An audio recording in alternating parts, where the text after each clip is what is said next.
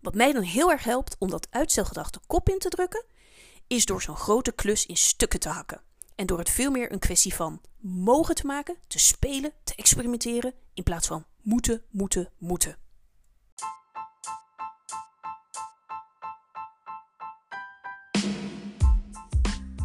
Welkom bij de Geluk of Je Leven podcast. De podcast voor professionals die de regie willen pakken over hun eigen werkgeluk.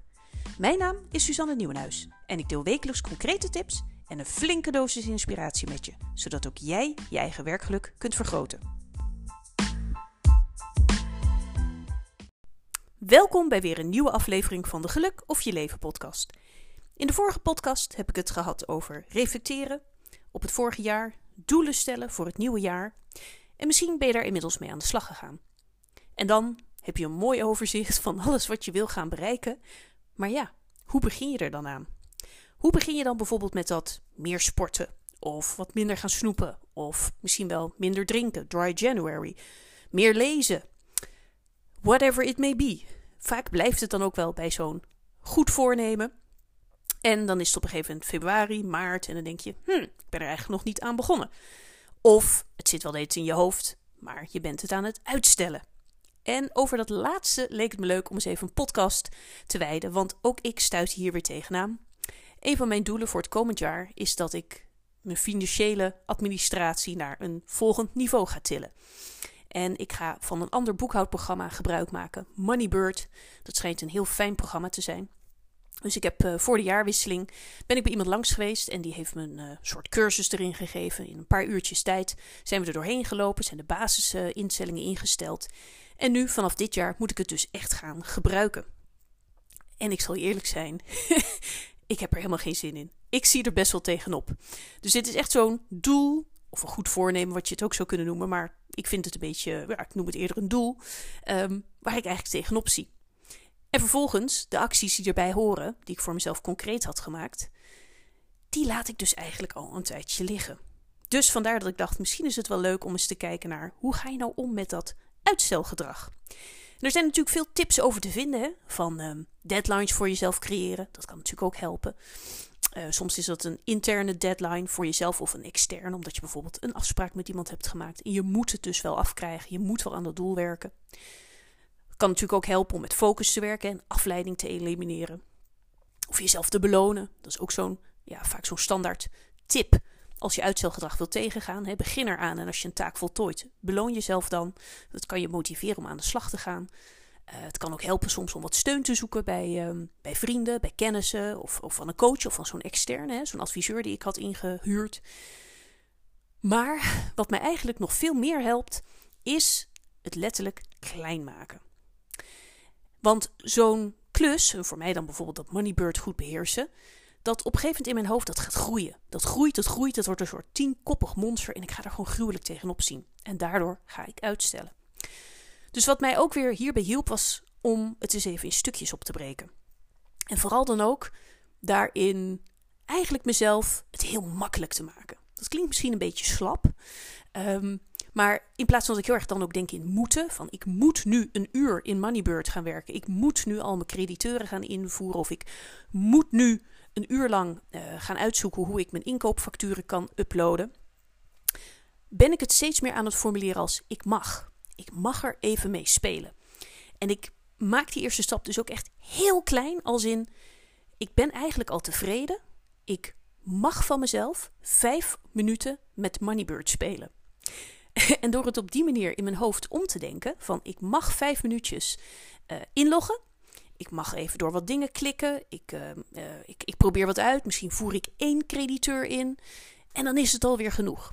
De grap is namelijk dat als ik het dan eenmaal aan het doen ben, en zo bleek dus ook gisteren, waarbij ik dacht: oké, ik mag van mezelf nu even één crediteur invoeren en ik mag één inkoopfactuur inboeken. Dat het eigenlijk best wel leuk was, minder stom dan gedacht in elk geval, en dat ik er gelijk een paar heb gedaan. Dus heel erg dat moeten er vanaf halen en het heel erg voor jezelf, ik mag. En als je het bijvoorbeeld hebt over sport, stel je hebt voor jezelf uh, nou, tot doel gesteld van ik wil meer sporten. Dan kan het dus ook daarbij heel erg helpen door eerst te kijken naar wat betekent dat precies? Wat is voor mij meer sporten? He, maak het concreet. Is dat voor jou uh, dagelijks uh, wat stretchoefeningen? Is dat voor jou drie keer per week naar de sportschool? Wat is meer sporten? Net zoals Minder snoepen. Ja, wat is minder snoepen? Mag je in het weekend dan nog wel een lekker stuk taart? Of um, uh, gun je jezelf elke avond misschien wel een stukje chocola, maar eet je verder bijvoorbeeld heel gezond? Dus wat is het eigenlijk wat je dus wil doen? En als je dat dan dus voor jezelf concreet hebt, ook daarin een beetje lief zijn voor jezelf. Dus, nou ja, als jij voor jezelf hebt gezegd: uh, ik wil drie keer per week gaan hardlopen, misschien kun je ook daarbij zeggen: ik mag van mezelf mijn sportkleding aantrekken en een klein eindje gaan wandelen. En als ik zin heb om dan vervolgens een lichte jog te doen, dan is dat oké. Of als je misschien al wat meer gevorderd bent, ik mag van mezelf een kilometer hardlopen. En als ik er daarna geen zin meer in heb, ga ik gewoon weer lekker naar huis. Hetzelfde ook met dat minder snoepen. Uh, of gezonder willen koken. Misschien kun je daar ook bij voor jezelf zeggen: Nou, ik, uh, voor mij is het al helemaal oké als ik één dag in de week bijvoorbeeld een gezonde maaltijd zelf bereid. Of als ik één dag in de week um, een lekkere salade en minder koolhydraten nuttig. Nou, misschien ga je daarmee experimenteren. En um, uiteindelijk is die ene keer koken of die ene keer koolhydraatvrij eten, hè, dat, dat mag je dan. Misschien inspireert het je het ook om het op dag 2 en dag 3 ook te doen. Dus dat is het eigenlijk wat mij het meeste helpt om dat uitstelgedrag te voorkomen. Voor die doelen die ik geformuleerd heb, voor die goede voornemens die, die ik uiteindelijk voor mezelf scherp heb gekregen. Door eigenlijk best wel lief voor mezelf te zijn. In plaats van zo'n hele harde, strenge juf. En van het hele harde moeten, moeten, moeten. Naar mogen, experimenteren, spelen, uitproberen. In plaats van moeten doen. Het klinkt heel anders. Misschien is het ook een stukje mindset shift wat je daarmee doormaakt. Um, maar dat helpt me enorm. En wat misschien ook nog leuk is, is om te bedenken dat. Stel dat jij nou voor jezelf tot doel hebt gesteld um, dat je inderdaad meer wilt gaan sporten.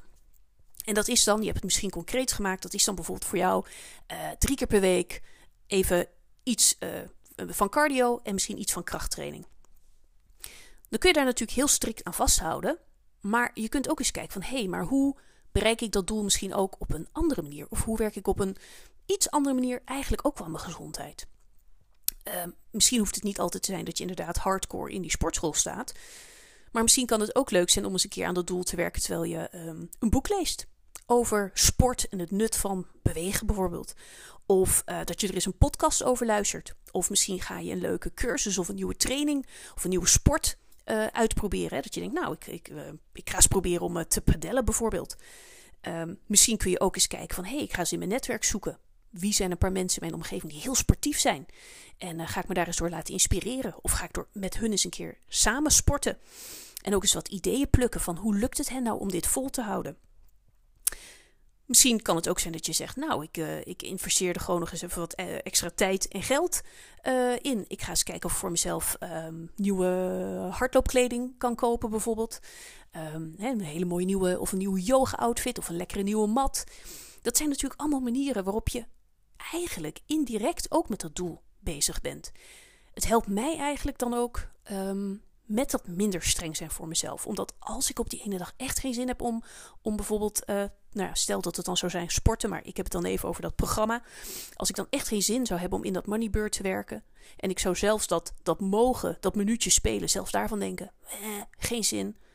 Dan kan ik natuurlijk ook eens een webinar kijken over met Moneybird werken. Of ik luister een korte podcast van iemand die met Moneybird werkt en die vertelt hoe fijn het wel niet is en uh, hoe ze ermee werkt. Of ik bel eens een keertje met een collega ZZP'er die ook met Moneybird werkt en die dat super handig vindt. Dus de manier ook waarop je aan dat goede voornemen of aan dat doel werkt, dat kan dus ook wel een beetje variëren. En ook dat is wat meer het mogen, het meer spelen, het meer experimenteren, waardoor je misschien een klein beetje die druk eraf haalt en het voor jou eigenlijk makkelijker wordt om toch maar aan dat doel te blijven werken.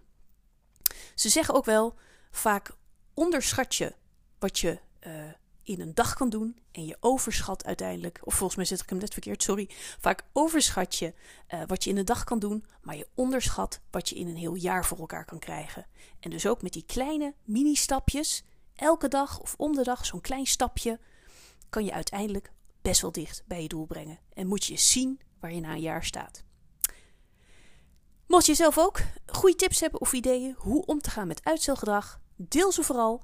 Dan uh, kan ik ze misschien ook weer eens in deze podcast delen en uh, de tips doorgeven. In elk geval, graag weer tot de volgende. podcast. Dankjewel voor het luisteren.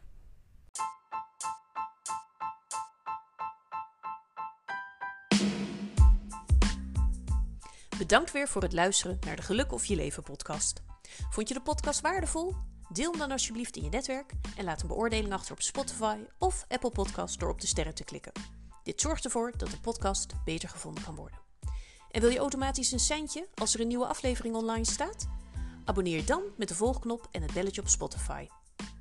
Ben je geïnteresseerd in een in-company masterclass of workshop voor jouw organisatie of heb je misschien behoefte aan één op één coaching? Neem dan contact met me op. Dat kan via LinkedIn of door me te mailen op info werkgelukt.com. Op mijn website vind je nog een TEDx-talk en een gratis e-book over hoogsensitiviteit op de werkvloer. Kijk op www.werkgelukt.com. Nogmaals bedankt voor het luisteren en graag tot de volgende keer.